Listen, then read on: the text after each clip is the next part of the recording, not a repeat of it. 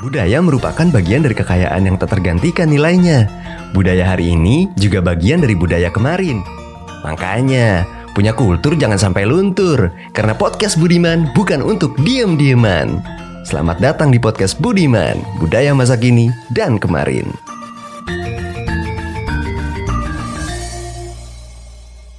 Halo sobat muda, nah, kembali lagi di podcast Budiman karena podcast Budiman bukan untuk diem-dieman. Nah, sebelum podcast dimulai, alangkah baiknya nih kita kenalan dulu ya.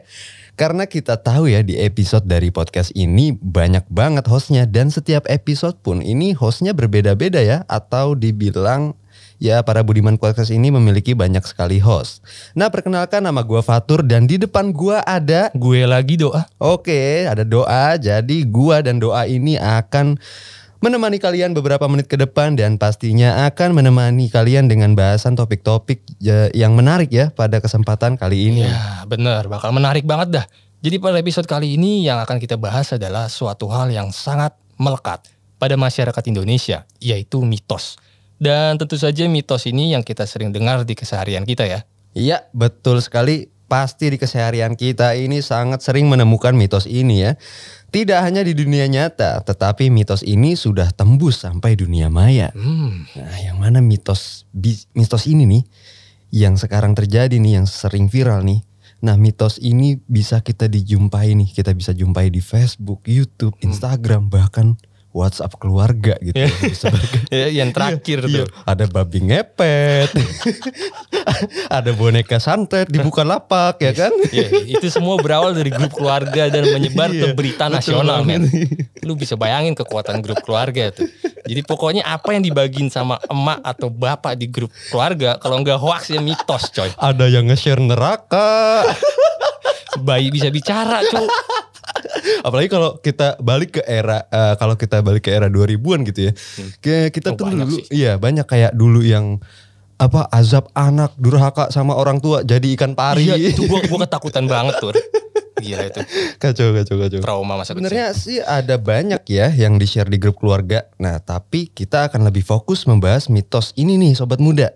Nah, kira-kira kita akan bawain judul apa nih, Do? Oke, jadi judul dan mitos yang akan kita bawakan pada kali ini adalah berdiri atau duduk di depan pintu itu tuh tidak apa-apa tur. Oh, gitu ya.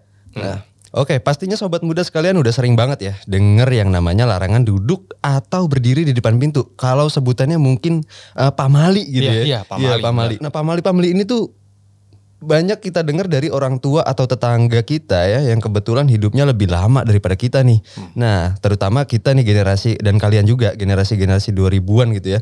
Tapi sebelum kita masuk ke pembahasan tentang larangan tersebut, eh, kita akan bahas penjelasan singkat dari mitos tersebut. Oke. Jadi, mitos ini adalah sebuah prosa rakyat yang dianggap benar-benar terjadi, bahkan dianggap suci nih oleh mereka yang memiliki cerita tersebut. Dan mitos ini kemudian dipercaya oleh masyarakat dari satu generasi ke generasi berikutnya. Meskipun isi ceritanya terkadang itu di luar apa ya, jangkauan akal sehat lah bisa dibilang.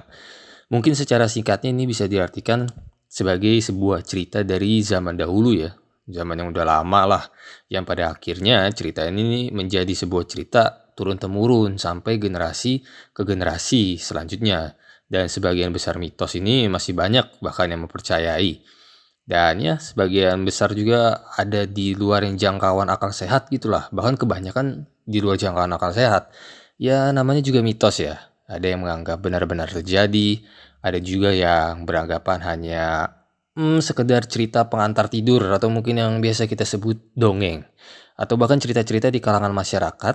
Dan terkadang bahkan buat jadi pembahasan seru di tongkrongan. Kan terkadang kalau lagi nongkrong terutama cowok-cowok nih ya gue nggak tahu kalau cewek-cewek kayak gimana tongkrongan cowok kan suka bahasnya ke mana-mana kan tuh ya. Bahkan cerita-cerita horor juga termasuk mitos salah satunya pasti juga jadi bahan bahasan. Karena termasuk hal yang menarik gitu. Ada kontroversinya gitu loh. Cowok tuh suka gitu ada kontroversinya dan ada argumennya. Karena setiap orang kan argumennya berbeda-beda gitu kan.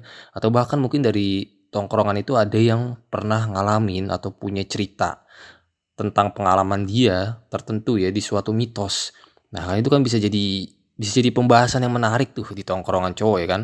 Namun kembali lagi ke yang gue katakan di awal ya, bahwa mitos ini dalam tanda kutip ya, dalam tanda kutip itu dianggap. Baru dalam tanda kutip dianggap doang nih, dianggap benar-benar terjadi lah. Ya baru dianggap, bukan pasti.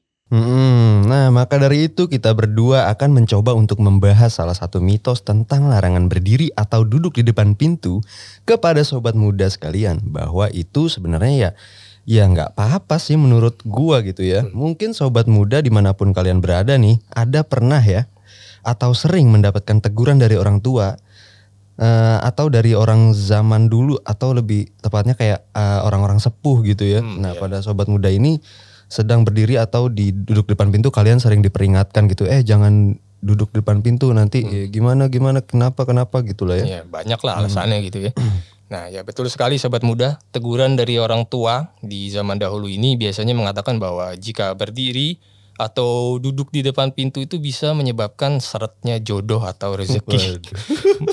Mungkin untuk syaratnya jodoh ini lebih ditujukan kepada wanita sih kebanyakan ya yang belum menikah gitu. Mm-hmm, betul sekali. Nah kayak contohnya larangan itu kayak misal lu punya kakak atau tetangga atau siapa pun lah itu. Siapa pun itu. Uh-uh. Itu dia lagi duduk nih atau berdiri di depan pintu. Nah itu biasanya kalau ada orang zaman dulu nih.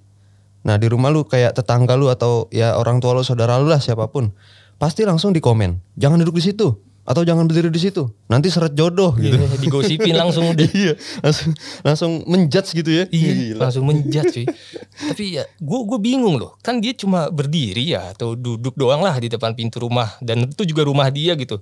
Dan ya masa iya sih hal kayak gitu doang bisa bikin seret jodoh? Itu dari mana gitu? Padahal kalau kita pikir-pikir jernih ya, tindakan yang kayak gitu doang tuh itu bukan termasuk tindakan yang bahkan kriminal atau bahkan mungkin asusila juga bukan lah atau sejenis lah yang yang mungkin bisa berbahaya atau merugikan orang lain gitu. Ini kan cuma melakukan kegiatan yang yang umum lah terjadi berdiri atau duduk doang. Bahkan tindakan ini nggak merugikan siapa pun, apalagi sampai mencelakakan seperti yang gue bilang hmm, tadi kan. Hmm, betul betul banget. Uh, jadi gini nih, um, hmm? dari sejarahnya mungkin ya kalau bisa gue bilang, jadi gini alasan kenapa uh, mitos larangan duduk atau berdiri depan pintu ini ada. Hmm, Jadi mitos ini tuh lahir di zaman dulu dikarenakan para anak anak wanita atau wanita dewasa gitu ya hmm. sering duduk di depan pintu atau berdiri di depan pintu itu untuk mencari cahaya. Oh, cahaya. Nah, ya. Karena kita tahu dulu mungkin listrik itu belum ada ya. Hmm. Nah, duduknya itu di depan pintu. Nah, mereka mencari kutu di rambut, tetapi oh. sering seiring berjalannya waktu, hal seperti ini pun dilakukan turun temurun. Nah, sehingga duduk atau berdirinya wanita di depan pintu ini membuat tidak nyaman. Oh, jadi karena keseringan gitu ya. nah, karena tidak nyaman. Terus kalau secara logika sih ya palingnya cuma karena menghalangi jalan -hmm. dan membuat kesulitan jika ingin melakukan akses keluar masuk dari pintu itu gitu. Karena sulitnya diberitahu untuk tidak menghalangi jalan, maka dari itu orang tua menakut-nakutinya. Oh, iya, menakut-nakuti jika akan sulit mendapatkan jodoh di masa depan hmm. kalau duduk di depan pintu. Oke oke ya gue ngerti ternyata alasannya begitu ya jadinya ya. Jadi nggak ada nyambungnya sama sekali buat nakut-nakutin doang cuy. Ya ya giliran jadi walau di awal dibilangin disuruh minggir tuh pada nggak mau ya. Tapi giliran disangkut pautin sama jodoh pada takut langsung. Emang jodoh di atas dari segala-galanya cuy.